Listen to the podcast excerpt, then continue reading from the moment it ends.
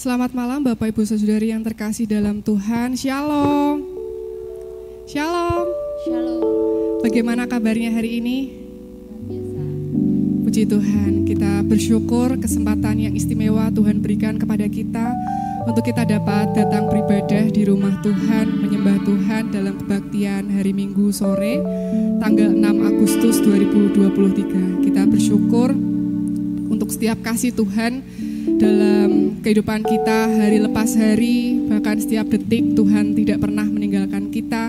Bahkan kita merasakan berkat-berkat Tuhan terus mengalir dalam kehidupan kita, baik itu nafas kehidupan, kesehatan, kekuatan saat kita berjalan di tengah badai hidup, dan yang terlebih penting adalah keselamatan yang Tuhan telah beri kepada kita, sehingga kita dapat membagikan kasih itu dan bersaksi kepada setiap orang-orang yang Tuhan tempatkan ada di sekitar kita. Untuk itu, mari kita gunakan kesempatan yang Tuhan beri pada hari ini. Kita mau datang menyembah Tuhan dengan setiap kerinduan kita, pujian penyembahan yang terbaik yang mengalir dalam hati kita.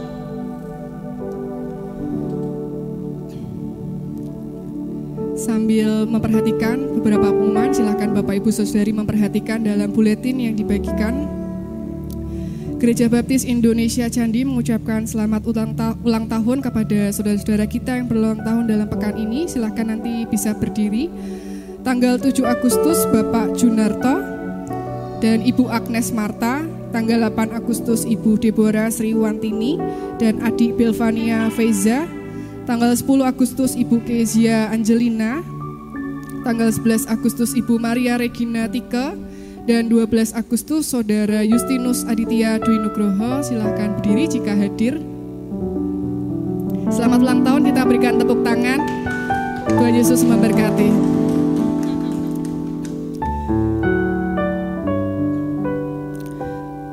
Persekutuan Wanita Baptis Indonesia akan diadakan pada hari Selasa tanggal 8 Agustus pukul setengah lima sore di Aula Gereja. Acara adalah lomba membuat tumpeng nasi kuning dalam rangka HUT GGBI ke-52 dan HUT Republik Indonesia ke-78 dan serta ada lomba serta tutorial make up secara natural segenap kaum wanita baik ibu-ibu maupun yang pemuda pemudi yang single bisa datang dalam persekutuan WBI besok Selasa. Baik, mari kita siapkan hati dan pikiran kita untuk kita dapat menyembah Tuhan dalam roh dan kebenaran. Saya memberikan kesempatan Bapak Ibu Saudari untuk bersaat teduh menaikkan setiap pengagungan kita kepada Tuhan. Dia Allah yang layak untuk kita sembah. Dia Allah yang layak untuk kita tinggikan. Filipi 2 ayat 9 sampai 11. Itulah sebabnya Allah sangat meninggikan dia dan mengaruniakan kepadanya nama di atas segala nama. Supaya dalam nama Yesus bertekuk lutut segala yang ada di langit dan yang ada di atas bumi dan yang ada di bawah bumi dan segala lidah mengaku Yesus Kristus adalah Tuhan bagi kemuliaan Allah Bapa. Mari kita mau mengagungkan namanya yang indah dan manis dan biarlah setiap lutut dapat bertelut dan lidah dapat mengaku bahwa Yesus Kristus dialah Tuhan dan Raja kita. Saya undang Bapak Ibu Saudari untuk berdiri. Kita pujikan Kau yang terindah.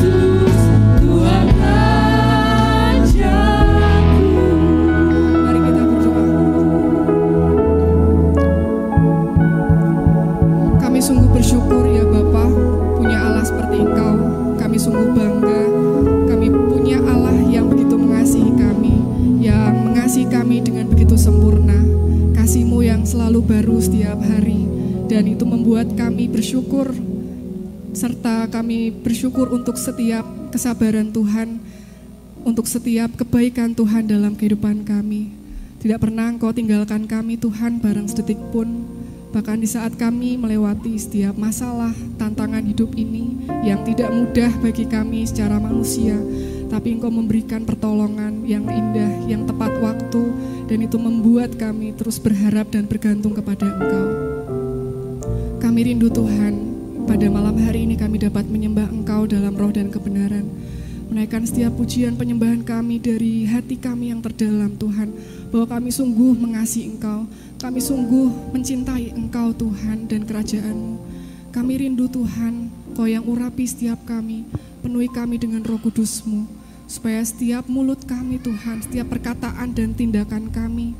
Sungguh kami menyatakan akan kebesaran dan kebaikan Tuhan. Sehingga kami rindu Tuhan bahwa setiap lutut dapat bertelut dan setiap lidah dapat mengaku bahwa Engkau Yesus Kristus Juru Selamat hidup kami. Terima kasih, terima kasih Tuhan. Kami serahkan ibadah kami ke dalam tangan kuasamu. Dalam nama yang indah, dalam nama yang manis, Tuhan kami Yesus Kristus. Yang layak menerima segala pujian penyembahan kami. Di dalam nama Tuhan Yesus, haleluya. Amin. Ada sukacita pada malam hari ini, amin. Semua diberkati Tuhan, amin. Bisa memberikan salam sapa kepada saudara kita yang ada di kanan, kiri, depan, belakang. Katakan selamat hari Minggu, Tuhan Yesus memberkati.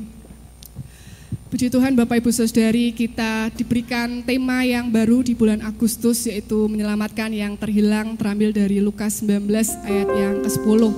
Bila kita terus bersemangat berapi-api dalam kehidupan kita untuk terus menyatakan kebaikan dan kebesaran Tuhan. Amin.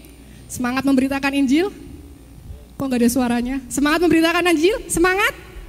Semangat. Puji Tuhan.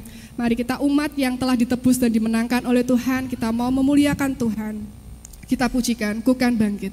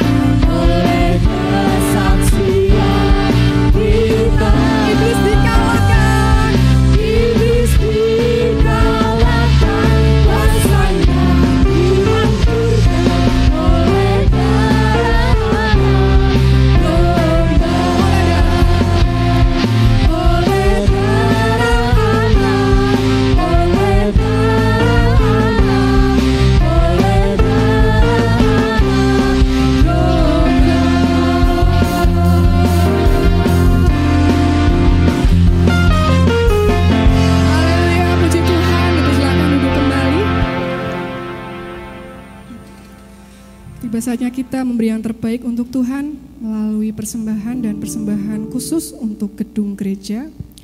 Saudari Kusvivi akan nolong kita dalam doa persembahan. Mari kita berdoa. Bapa yang baik, Bapa yang kami sembah dan kami tinggikan di dalam nama Tuhan Yesus Kristus. Terima kasih ya Tuhan atas setiap kasih dan kebaikan-Mu Tuhan di dalam hidup kami sampai saat ini.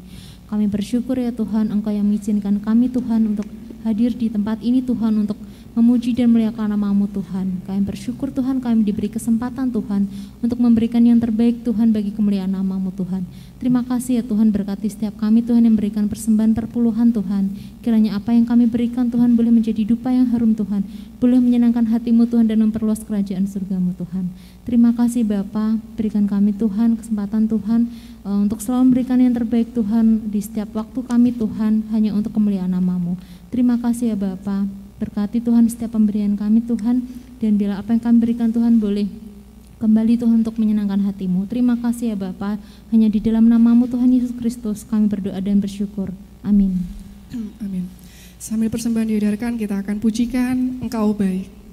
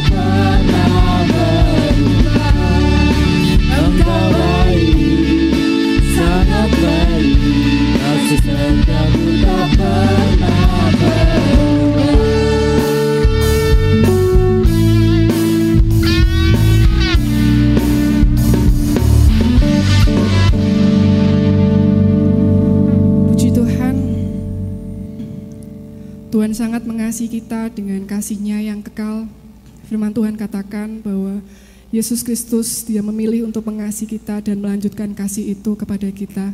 Dan biarlah kita hidup sesuai dengan rencananya, menyatakan kasih Tuhan melalui setiap perkataan dan perbuatan kita, agar banyak jiwa dapat percaya kepada Tuhan Yesus sebagai Tuhan dan Juru Selamat. Pujian Tuhan di hidupku akan mempersiapkan hati dan pikiran kita untuk mendengar kebenaran firman Tuhan yang akan disampaikan oleh Bapak Pendeta Eko Kurnia di MTH. Kita pujikan Tuhan di hidupku.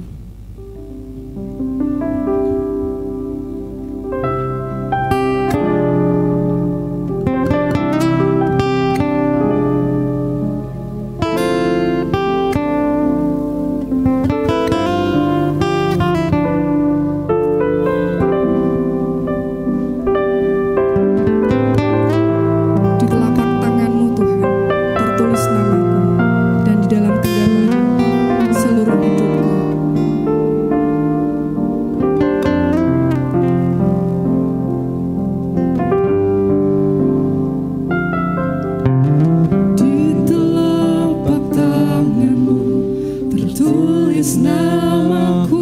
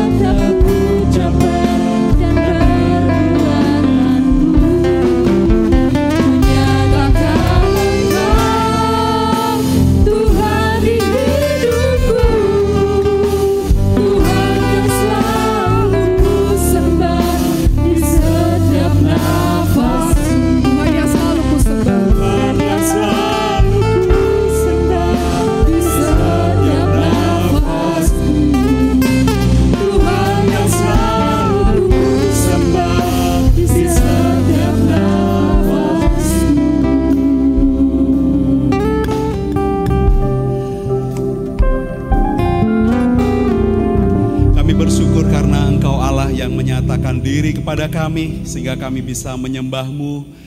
Kami menyembah Tuhan dalam roh dan kebenaran dan juga biarlah Tuhan juga disembah oleh setiap orang yang melihat berpengalaman dan mendengar akan suaramu, akan panggilanmu, dan itu yang kami rindukan. Bapa, biarlah firmanmu menjadi penuntun bagi kami, bagi setiap langkah kami, setiap firmanmu menjadi terang bagi setiap jalan kami agar kehendakmu dinyatakan di dalam dan melalui kehidupan kami. Inilah doa kami di dalam nama Tuhan Yesus Kristus kami bermohon pimpinanmu. Haleluya.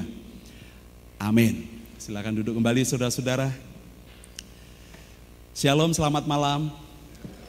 Saya ingin menyambut ada seorang tamu di gereja kita yang baru pertama hadir. Silakan berdiri, uh, Saudara Rosando Adi. Boleh berdiri? Oke, terima kasih Mas Adi bisa berbakti bersama hari ini. Uh, Saudara-saudara, uh, saya ingin melanjutkan khotbah saya tadi pagi di kebaktian satu dan saya ingin uh, mengajak Anda semua membuka di dalam Lukas pasal yang ke-19 ayat 1 sampai dengan ayat yang ke-10.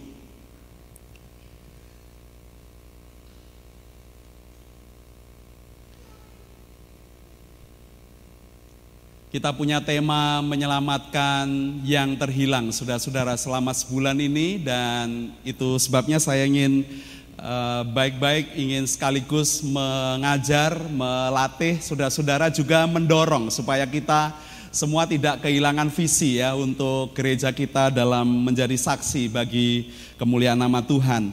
Uh, saudara bisa membaca ayat 1 sampai dengan ayat yang ketiga. Dan itu bagian yang pertama yang ingin saya sampaikan di khotbah saya malam ini. Yesus masuk ke kota Yeriko dan berjalan terus melintasi kota itu. Di situ ada seorang bernama Sakius, kepala pemungut cukai dan ia seorang yang kaya. Ia berusaha untuk melihat orang apakah Yesus itu. Tetapi ia tidak berhasil karena orang banyak sebab badannya pendek. Uh, saya lanjutkan di ayat yang ke sampai ayat 4 ya. Maka berlarilah ia mendahului orang banyak lalu memanjat pohon ara untuk melihat Yesus yang akan lewat ke situ. Saudara, saya menggumuli tentang tema kita selama sebulan ini dan saya ingin membagi uh, kepada saudara-saudara bagaimana kita, gereja kita dan setiap Anda, setiap orang-orang percaya jangan sampai kehilangan spirit untuk memberitakan Injil, saudara-saudara. Apa pun Anda, pekerjaan Anda apa pun, dalam bidang apa pun, workplace Anda, marketplace tempat Anda bekerja, apa pun kegiatan Anda, jangan sampai kita lupa untuk kita menjadi saksi bagi Tuhan. Menjadi saksi bagi orang yang belum kenal Tuhan. Dan gereja-gereja juga diingatkan dan hari ini saya mengingatkan di gereja kita dan itu menjadi satu nafas yang penting saudara-saudara supaya spirit untuk memberitakan Injil tidak hilang di dalam kehidupan Anda pribadi dan gereja kita. Dalam apa pun itu saudara-saudara. Nah, saya membaca dalam sebuah survei, dalam sebuah buku yang berjudul Art Evangelism yang dibuat di karang oleh Michael Parrott, saudara-saudara di tahun 1993 dan nampaknya masih relevan sampai hari ini bahkan banyak uh, gereja-gereja uh, dan jangan sampai juga dengan gereja kita atau saudara-saudara mulai hanya berfokus kepada motivasi, dorongan hidup, hidup berhasil, hidup sukses, ngatasi masalah, ngatasi kesulitan, dan kita kehilangan kor kita, inti dalam kekristenan, saudara-saudara, yaitu memberitakan kabar baik, membawa jiwa-jiwa, memuridkan mereka dalam jalan Tuhan. Saudara, dia berkata bahwa pemimpin-pemimpin di dalam gereja, dalam satu denominasi, dia membuat penelitian di satu denominasi, 63 persen pemimpin di dalam gereja belum pernah bersaksi. Belum pernah memberitakan Injil. 49 persen dari mereka, mereka aktif pelayanannya di luar terlepas dari spirit di dalam gereja, saudara-saudara. Mereka banyak melakukan aktivitas di luar, aktivitas sosial, tetapi kehilangan core-nya, intinya untuk memberitakan Injil. Nah, itu yang berbeda nanti dengan kita. Kita akan melihat lebih dalam ya saudara-saudara. Kemudian 89% orang tidak atau gereja atau denominasi itu tidak punya daftar prioritas, daftar penginjilan saudara-saudara. Mereka tidak punya daftar doa. Tidak ada orang yang digumuli kepada siapa kita beritakan Injil tidak punya profil orang-orang yang mau kita dekati supaya kita dapat memperkenalkan Injil kepada mereka. Cukup besar saudara-saudara, 89% gereja ini, denominasi ini tidak punya daftar prioritas di dalam penginjilan. Termasuk daftar profil orang-orang kepada siapa kita mau pergi. 99% semua hampir semua anggota sudah pernah mendengar tentang khotbah penginjilan, pernah belajar tentang penginjilan, pernah dilatih dalam uh, penginjilan. Mereka semua pernah mendengar 99%. 97% pemimpin-pemimpinnya kalau mereka yakin terlibat di dalam penginjilan, maka harusnya mereka ini menjadi teladan di dalam penginjilan, Saudara-saudara. Dan 96% pemimpin-pemimpin gereja ini uh, yakin bahwa kalau gereja terlibat dalam penginjilan, pasti gerejanya mengalami pertumbuhan. Nah, saudara-saudara, ini uh, profil dari sebuah denominasi yang diteliti oleh Michael Parrott. Sudah bisa menitinya lebih lanjut. Nah, kita bisa belajar saudara-saudara dari pengalaman uh, dengan konteks Sakeus. Dia seorang pemungut cukai, dia adalah antek dari penjajah karena Romawi menjajah orang-orang Israel. Mereka koloni dari kerajaan atau kekaisaran Romawi dan ditempatkan uh, pemungut cukai, penarik pajak, pengumpul pajak yang ditaruh di setiap negara koloni dan salah satunya di Galilea. Dan bagi orang Israel, uh, Sakyus ini dianggap sebagai pengkhianat, saudara-saudara karena dia menjadi antek dari penjajah. Dia harusnya mengambil teks, mengambil pajak sesuai dengan eh, kaisaran minta, tetapi dia mengambil lebih, besaran yang lebih dan memeras bangsa Israel. Dan itu sebabnya uh, pemungut cukai dianggap golongan pendosa, orang-orang yang berdosa, penindas, lebih kejam, saudara-saudara, di dalam uh, struktur sosial dan ekonomi di dalam masa itu. Dan kita melihat bahwa Sakeus seorang yang diabaikan. Nah ini kalau dalam bahasa modern itu adalah unreached people group. Orang-orang atau suku-suku bangsa yang terabaikan.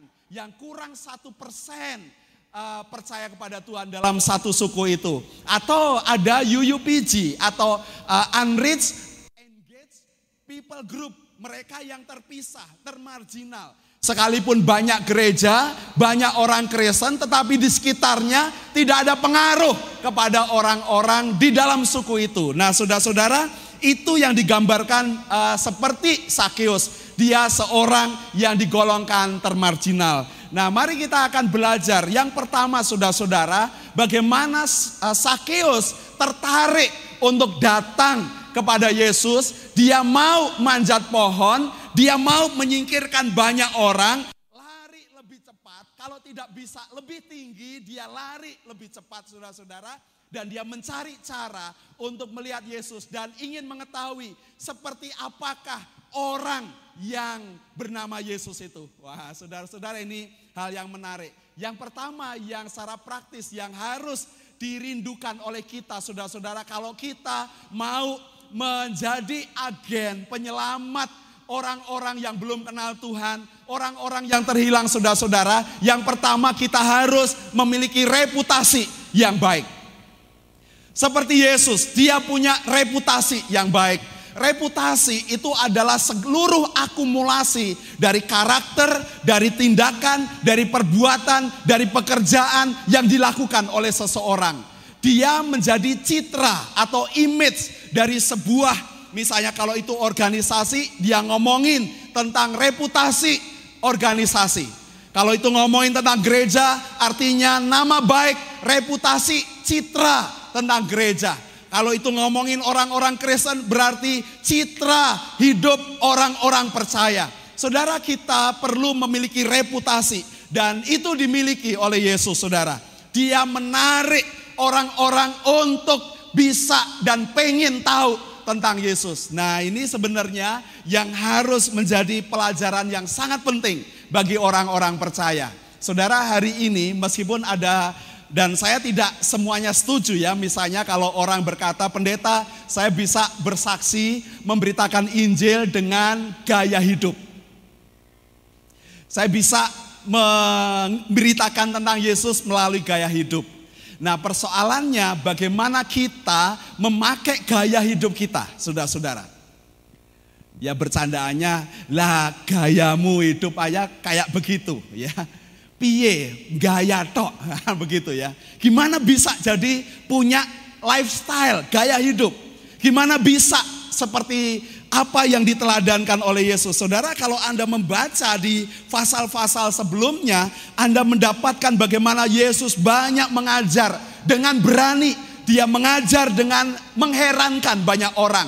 Dia memberitahu tentang kerajaan Allah dengan perumpamaan-perumpamaan yang luar biasa yang dimengerti oleh setiap pendengarnya. Dia menyajikan berbagai macam uh, kehidupan dan dia bertentangan dengan norma-norma bagi orang-orang yang hidup pada zaman itu dan dia berani berani dan memberi pengajaran yang jelas tentang kerajaan Allah dan bahkan dia menyatakan dirinya saudara-saudara bahwa dia adalah yang diutus oleh oleh bapaknya. Itu luar biasa karena pengajaran itu menarik bangsa-bangsa untuk datang. Saudara, ini bagian dari reputasi. Yang kedua, dia mengerjakan banyak mujizat. Bahkan di dalam Yeriko dan eh, bagian dari misalnya Korasim, Yeriko, di Bethsaida, Alkitab memberitahukan di sana Yesus banyak berbuat mujizat. Di tempat itu, di Korasim, di Yeriko, di Bethsaida, Yesus banyak melakukan mujizat. Sudah bisa melihat uh, kota-kota uh, di mana Yesus berbuat mujizat di Galilea, di sekitar Galilea dan termasuk di kota Yeriko dan sekitarnya. Ini adalah bagian dari reputasi, saudara-saudara. Reputasi, reputasi menjadi daya tarik. Reputasi menjadi daya tarik. Nah, saudara, mari kita akan renungkan bagian ini sangat penting. Apakah ada orang yang bertanya tentang Yesus kepada hidup Anda? Ini pertanyaan yang sangat penting ya, karena daya tarik, ini reputasi, ya. Reputasi. Apakah kita memiliki reputasi? gaya hidup, citra hidup di dalam kehidupan kita. Apakah persekutuan kita menjadi persekutuan yang punya citra yang baik, reputasi yang baik? Apakah keluarga kita membangun reputasi keluarga Kristen yang baik? Apakah setiap kita menjadi seorang Kristen yang juga memelihara dan menjaga reputasi kita dengan baik? Saudara, mari kita buka di dalam 1 Timotius pasal yang ke Dua,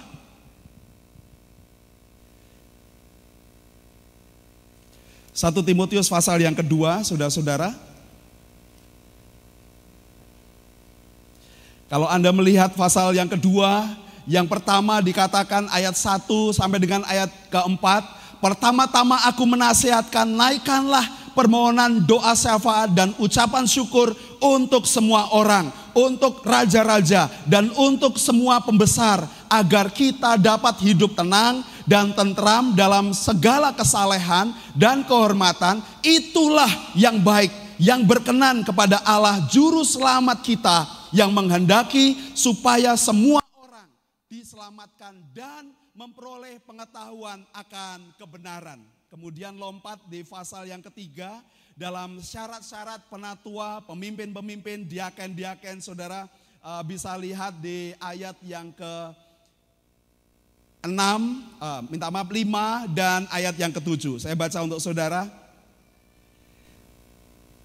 Jikalau seorang tidak tahu mengepalai keluarganya sendiri, bagaimanakah ia dapat mengurus jemaat Allah? Ayat 7, hendaklah ia juga mempunyai nama baik di luar jemaat agar jangan ia dihujat orang dan jatuh ke dalam jerat iblis. Saudara, beberapa kali tentang reputasi, memiliki reputasi yang baik itu harus dimiliki oleh orang percaya, bahkan tentunya ini menjadi tanggung jawab bagi pemimpin-pemimpin. Tanggung jawab bagi pendeta-pendeta, tanggung jawab bagi pengurus-pengurus gereja, tanggung jawab bagi setiap kepala-kepala keluarga, keluarga Kristen. Menjadi tanggung jawab dari setiap orang-orang percaya kalau Anda mau terlibat di dalam penginjilan. Kalau Anda mau terlibat di dalam memberitakan kabar baik, Anda perlu membawa diri, menjaga diri dengan reputasi yang baik. Ada seorang yang bertanya, ngobrol dengan saya, pendeta, aku kok belum bertemu dengan Tuhan ya? Batinku ngomong gini, lah ke gereja we kowe datnyeng. Ke gereja aja kamu tidak rajin. Dan bisa dipastikan bahwa mesti kehidupan doanya juga tidak seperti yang Tuhan kehendaki. Dan kita perlu belajar untuk itu. Kita harus rendah hati mau belajar untuk itu. Belajar untuk menjaga, membangun karakter, membangun tindakan reputasi kita saudara-saudara. Kita harus memiliki reputasi yang baik. Dan ini dimiliki oleh Yesus sehingga dia menarik dari Zakheus bahkan seorang yang termarginal, seorang yang dijauhi, yang menindas rakyat, yang menjadi pengkhianat, tetapi dia mekso untuk datang, saudara-saudara. Dia, dia terpanggil karena seperti apakah Yesus itu. Saudara bisa melihat ayat yang ketiga, dia berusaha untuk melihat orang apakah Yesus itu. Saudara ini reputasi. Pemimpin-pemimpin, orang-orang percaya perlu menjaga reputasi, saudara. Itu orang-orang percaya. Jadi uh, sangat penting ya kita uh, jangan hanya sekedar menjaga nama baik dengan tidak menceritakan yang jelek tentang lingkungan kita. Bukan hanya itu, tetapi harusnya secara aktif kita membangun reputasi kita, karakteristik kita, segala akumulasi dari karakter, dari sifat, atribut kita, cara kerja kita, cara pelayanan kita, cara pengabdian kita kepada Tuhan dalam kehidupan kita itu reputasi yang harus dimiliki oleh orang percaya. Saudara, hari uh, Rabu saya bertemu dengan seorang dan kemudian dia berkata, pendeta, aku pengen bawa anak saya yang belum kenal Tuhan ke gereja ini. Dia belum percaya Tuhan. Wah, luar biasa. Mulai disusun langkah-langkahnya. Saudara, uh, saya bertanya, masalahnya apa? Kendalanya apa? Oh, ini, ini, ini, ini. Oh, kendalanya ada ini. Harus diselesaikan dulu. Karena gimana orang bisa melihat kasih Yesus yang bekerja yang kita beritakan tetapi kita tidak membangun karakteristik kita dengan baik. Gimana kita bisa menjaga dan menjangkau teman-teman uh, mungkin orang-orang muda di gereja kita menjangkau teman-teman untuk datang ke gereja sementara Anda nyontoni cara ibadahnya yang tidak benar, saudara-saudara. Gimana kita bisa? Gimana bisa jadi saksi bagi mereka? Karena kita tidak mawas diri, tidak menjaga diri kita. Masih judi, judi online, untung kementerian kita nutup banyak banyak situs-situs judi online. Buka baik-baik uh, hidup kita. Gimana kita mau bisa terlibat Gimana kita mau jadi hamba-hamba Tuhan? Gimana kita mau karena dalam pelayanan ini saudara-saudara tentang pemberitaan Injil, tentang gereja bertumbuh, tentang orang-orang percaya pada Tuhan, itu bukan persoalan hubungan kaitannya dengan nama besar pendeta atau orang-orang dalam gereja kita supaya uangnya banyak. Tidak, saudara-saudara. Kita selalu defisit. Gereja ini selalu defisit tetapi kita tidak pernah kekurangan. Saya tidak percaya dengan apa-apa yang dunia ini coba hembuskan supaya kita tidak memberitakan Injil. Setiap orang di dalam orang-orang percaya dalam kerajaannya bagaimana kita membangun reputasi dengan baik. Yang kedua saudara-saudara, ini slide-nya buru-buru ya. Slide-nya udah buru-buru. Yang kedua, pertanyaan yang juga bagi kita. Apa yang Yesus kerjakan supaya itu juga menjadi cara kerja kita, saudara. Nah, satu persatu, saudara, kalau dilihat di bagian ini, saudara bisa lihat ayat yang kelima terlebih dahulu. Ayat yang kelima. Ketika Yesus sampai di tempat itu, ia melihat ke atas dan berkata, "Sakius, segeralah turun, sebab hari ini aku harus menumpang di rumahmu."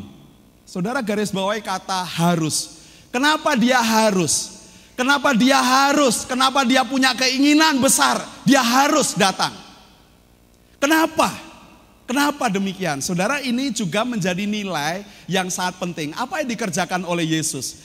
Di kebaktian doa hari Sabtu jam 5 pagi saya sharing tentang Roma 10 ayat 1. Saudara bisa buka Roma 10 ayat 1.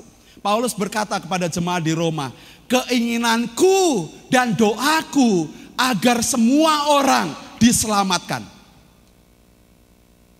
Dia punya keinginan, dia punya desire, dia punya passion, dia punya keinginan, dia bukan hanya mimpi, dia bukan hanya sekedar ngomong, dia bukan hanya sekedar punya harapan, tetapi yang namanya keinginan, dia mengerjakan keinginan itu sampai menyelesaikan misinya dengan tuntas.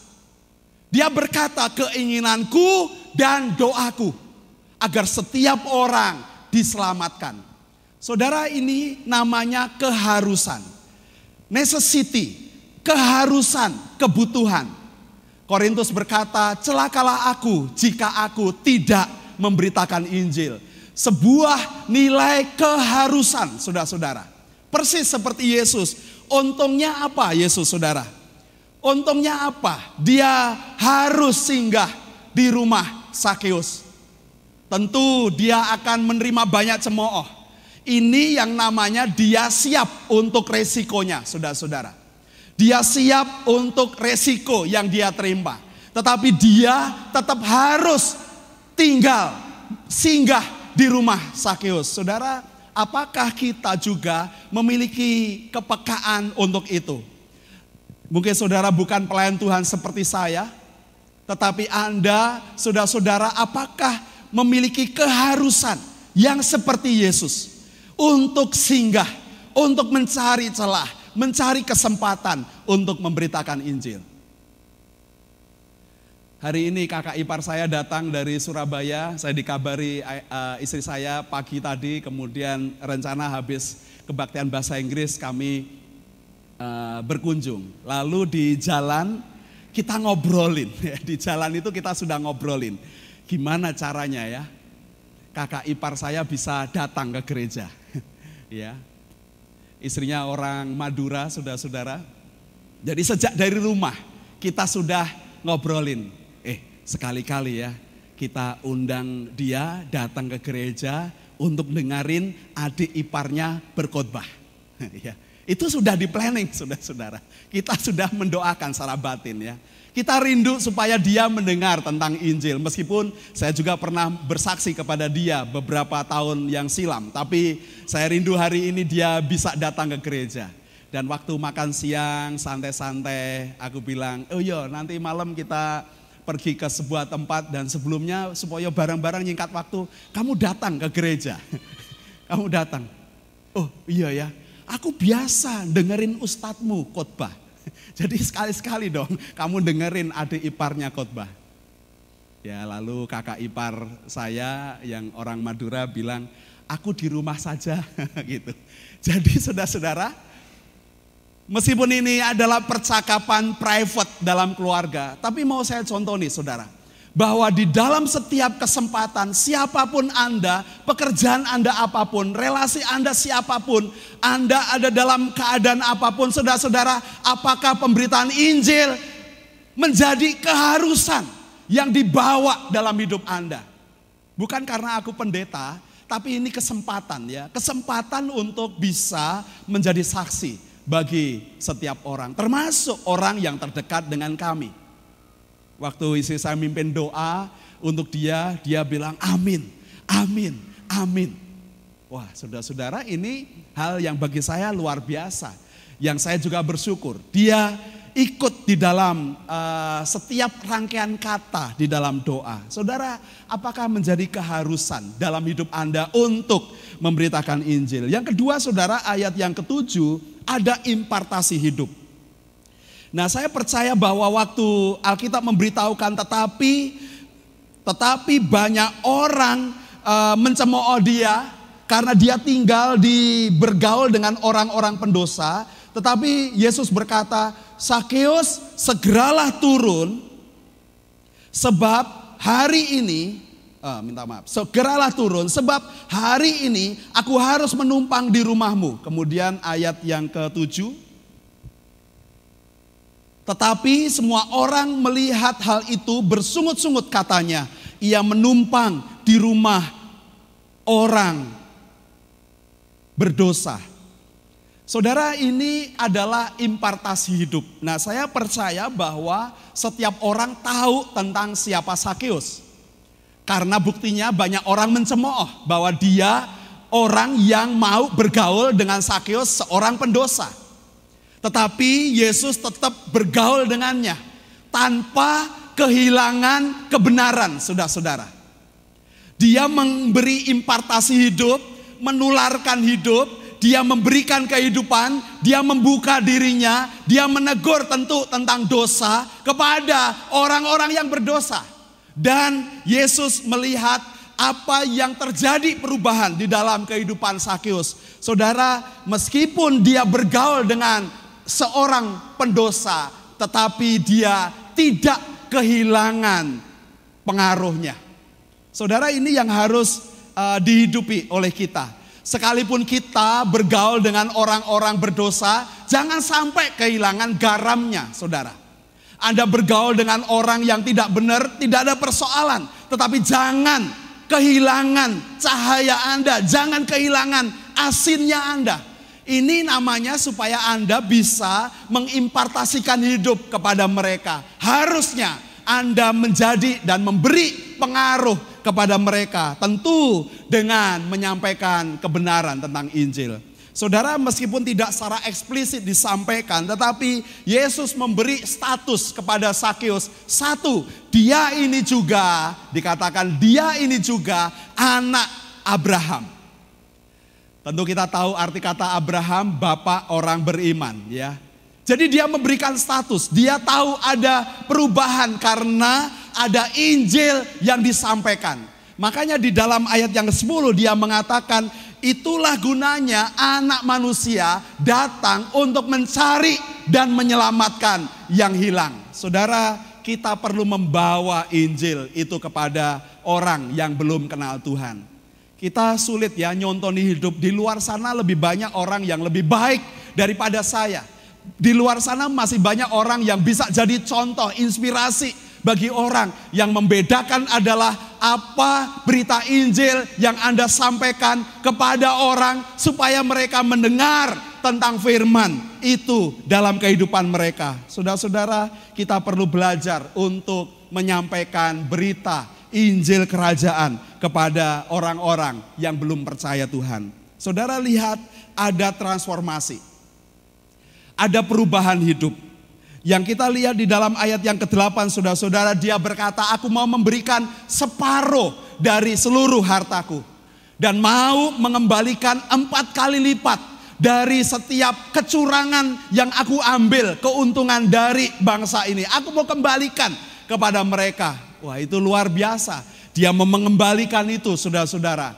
Dia sudah mengambil keuntungan dan dia ada perubahan yang total. Separuh hartanya mau dibagikan untuk orang miskin dan dia mengembalikan empat kali lipat kepada orang-orang yang diambil pajaknya yang tidak sesuai dengan ketetapan kekaisaran. Saudara-saudara, dia ada transformasi hidup dan tentu ini harus didapatkan dalam kehidupan kita ya. Supaya ada perubahan. Nek ora berubah, kalau tidak berubah, ya pasti akan sama saja ya. Kalau kita tidak ada perubahan, tidak ada transformasi saudara-saudara, ya flat, biasa aja. Dan bahkan kita bisa terseret di dalam kehidupan yang semakin jauh dari kebenaran akan Tuhan. Dampak yang terakhir saudara-saudara seperti dalam ayat yang ke-10, dia berkata bahwa sebab anak manusia itu datang untuk mencari dan menyelamatkan. Nah apakah itu menjadi bagian kita? Apa kita dalam setiap kerja kita, kita tahu kita ini bekerja untuk kerajaan Allah, saudara-saudara. Kalau kita ingat dalam uh, Matius 6 ayat 33 semua hafal ya. Carilah dulu kerajaan Allah dan kebenarannya, maka semuanya akan ditambahkan padamu. Dan kita pikirkan hanya tentang semua yang ditambahkan kepada kita. Kita selalu berpikirnya tentang kekhawatiran, tentang ketakutan, pemeliharaan oleh Tuhan atas kita. Kalau kita mencari kerajaan Allah, maka semuanya akan ditambahkan kepada kita. Kita sering menekankan bagian itu, tapi kita lupa kalau kita diminta kita mencari kerajaan Allah dan kebenarannya. Itu artinya kita bekerja bagi kerajaan, saudara-saudara. Kita bekerja bagi kerajaan sorga. Saya melayani, melayani untuk kemuliaan kerajaan sorga. Anda bekerja di dunia sekuler Anda, itu Anda bekerja cari kerajaan Allah dan kebenarannya. Maka semuanya akan ditambahkan padamu. Anda bekerja dalam pekerjaan Anda, Anda itu bekerja dalam kerajaan Allah, saudara-saudara. Anda sekolah, Anda studi, Anda harusnya ngerti bahwa Anda juga bekerja di dalam kerajaan Allah. Jangan sampai lupa tentang bagian itu. Jangan tentang hanya persediaan, perbekalan yang Tuhan cukupkan, Tuhan sediakan, tapi kita lupa bekerja bagi kerajaan Allah. Saudara, itu yang harus hidup di dalam kehidupan kita supaya kita bisa punya impact ya, punya dampak bagi kerajaan Allah dalam pelayanan kita. Saudara itu yang saya nikmati beberapa hari ini dalam minggu ini. Setiap orang bisa ada yang datang, yang ketemu, saya bisa ketemu, bisa ngobrol tentang kerajaan Allah. Saya bisa bicara tentang itu. Kadang kita hanya koar-koar, saya hanya khotbah dengan kencang saudara-saudara tanpa saya menjalani bukti-bukti saya bekerja bagi kerajaan Allah. Saudara-saudara itu yang patut kita uh, renungkan dalam kehidupan kita. Di mana posisi kita? Di mana posisi Anda? Sedang apa Anda? Ya, kalau ada nyanyian tuh sedang apa? Sedang apa? Sedang apa sekarang? Sedang apa, Saudara? Anda sekolah, Anda bekerja, Anda uh, melayani, Anda melakukan segala macam kegiatan kehidupan kita di mana panggilan kerajaan Allah. Mengapa ini hal yang penting, saudara-saudara? Nah, ada satu sebagai penutup khotbah saya, ada satu uh, pertanyaan yang penting. Lah, kalau saya menyembah Yesus, Pak, siapa Yesus itu? Tadi pagi saya mencontohkan tentang Ahmad Didat. Sudah bisa browsing Ahmad Didat di YouTube, di uh, googling ya, Anda bisa melihat tentang Ahmad Didat. Dia menantang waktu tahun 90-an di Stockholm dalam perdebatan agama, perdebatan tentang kitab-kitab. Dia berkata, dia menantang, kalau Yesus menyebutkan sendiri kalau dia adalah Tuhan, tolong tunjukkan ayatnya, saudara-saudara. Nah, saya ingin tunjukkan. Nah, waktu itu dia menantang dan tidak ada seorang pun yang bisa menunjukkan ayat itu. Dan dia berkata, kalau tidak ada yang bisa menunjukkan menunjukkan hari ini saya rela, eh, kalau ada yang bisa, saya rela mati, saya bisa menggantung diri saya dan saya siap mati. Itu tantangannya saudara. Dan yang luar biasa dalam waktu tidak genep satu minggu, dia ditemukan di kamar hotel sendirian dengan keadaan hotel yang terkunci dari dalam dan dia mati saudara-saudara. Dia mati dan waktu ada otopsi diketahui di lehernya ada jeratan seperti uh, tambang. Tapi dia ada di tempat tidurnya. Luar biasa ya. Tapi hari ini dan banyak karena tantangan itu saudara-saudara. Nah silakan saudara buka uh, sebagai ayat penutup di khotbah saya pada malam ini. Silakan Anda buka dari Yohanes pasal yang ke-13 ayat 13 dan 14.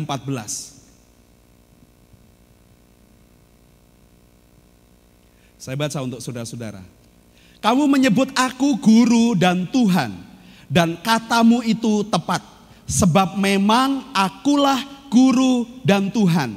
Jadi jikalau aku membasuh kakimu, aku yang adalah guru Tuhan dan gurumu, maka kamu pun wajib saling membasuh kakimu. Saudara-saudara, Alkitab menyebut dengan jelas, Yesus berkata secara langsung pengakuannya, kalau kamu menyebut aku guru dan Tuhan, dan katamu itu tepat, karena memang aku adalah guru dan Tuhanmu.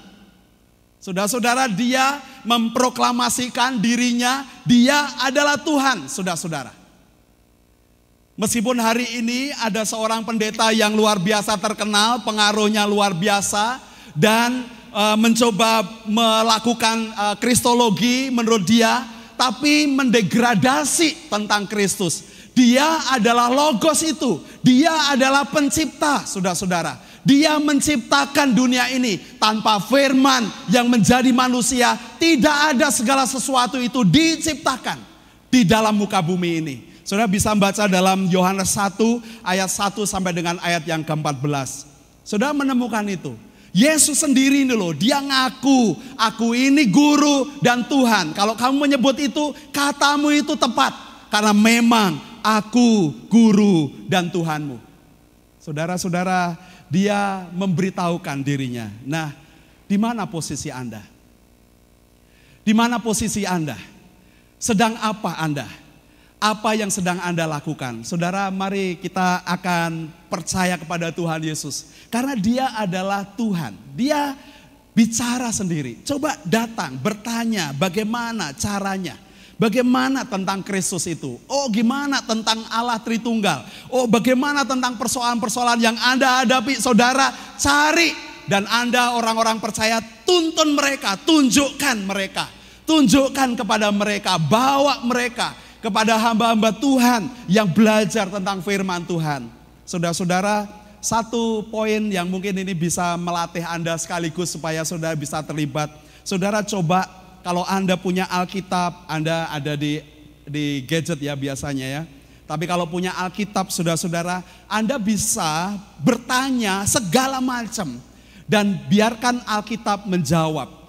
Biarkan uh, kitab-kitab yang lain juga menjawab. Misalnya tentang pernikahan, apa kata Alkitab tentang pernikahan?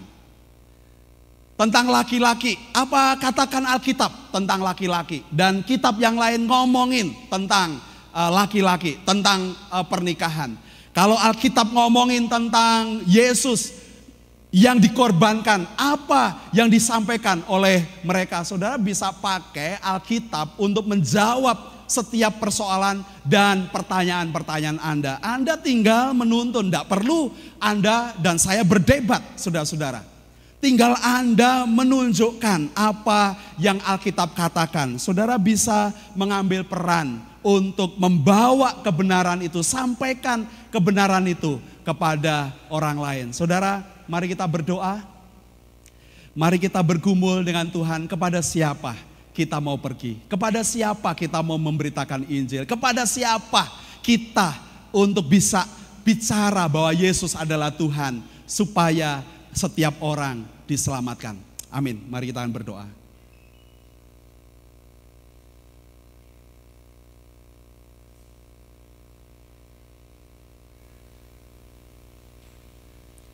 Setiap kita bisa mengambil komitmen saudara-saudara.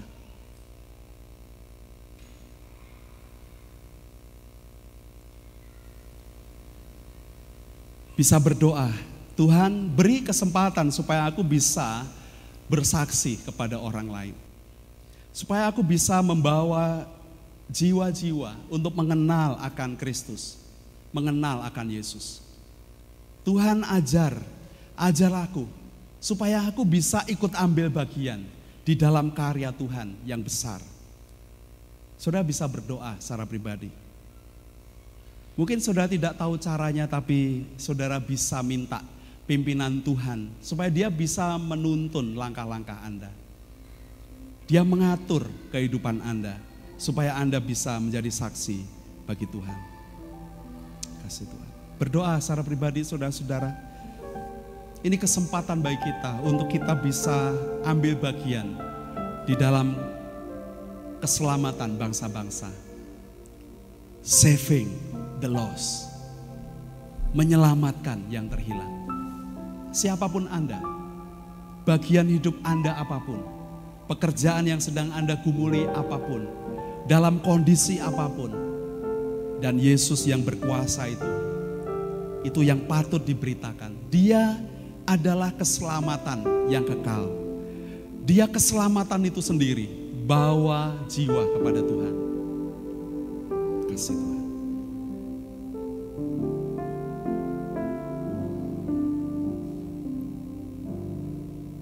Kasih Tuhan. Mari kita akan berdiri bersama-sama. Kita akan berdoa syafaat dan menutup dengan doa berkat. Terima kasih Tuhan.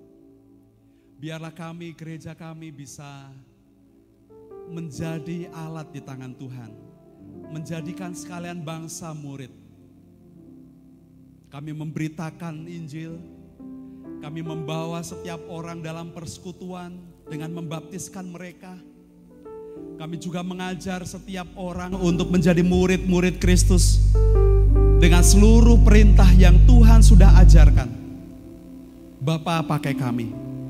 Pakai gereja ini dengan pelayanan compassion, pelayanan sekolah kami dari PAUD TK, SD, Kristen Immanuel. Pakai pelayanan di gereja ini dalam pelayanan misi dan diakonia, Tuhan pakai. Bahkan pakailah kami, setiap kami dalam setiap aktivitas kami apa pun itu. Supaya berita tentang Kristus, Injil itu sampai kepada pendengarnya. Sampai kepada setiap orang karena itu yang Tuhan kehendaki. Biar kami seperti Paulus yang bisa berdoa keinginanku dan doaku agar setiap orang diselamatkan.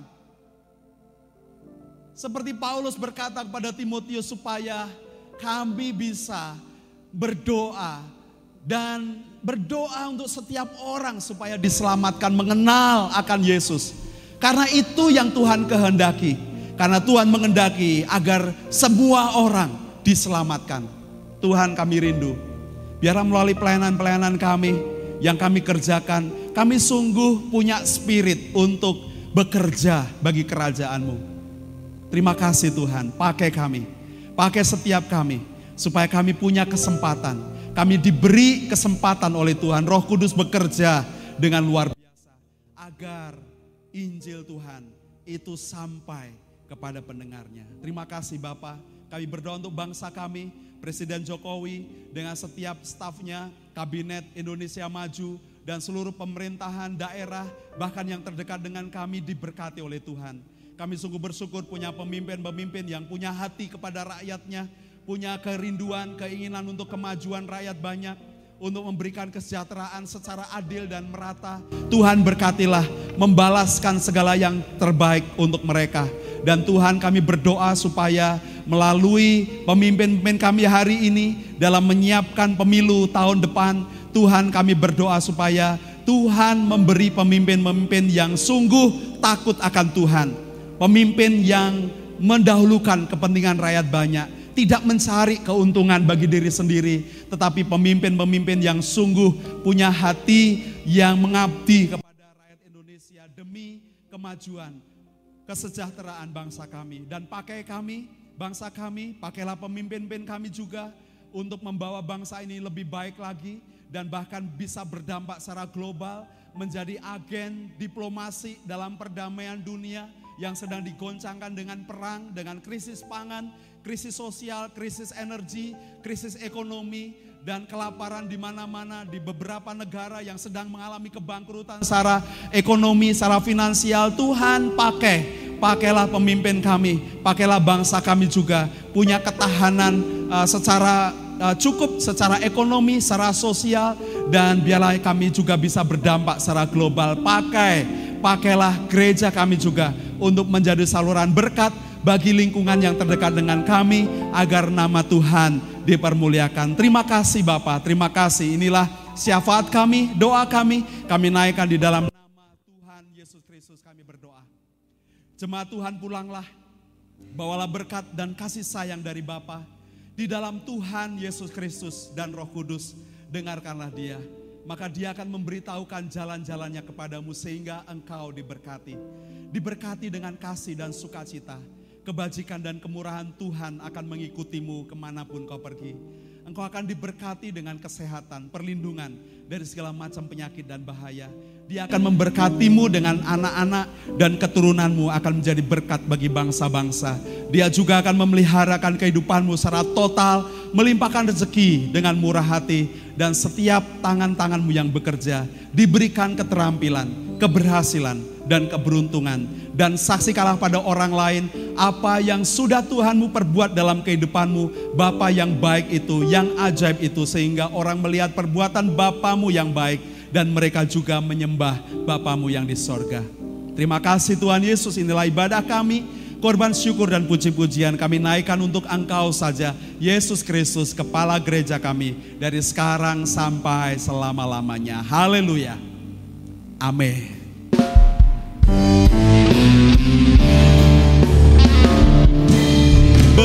Besar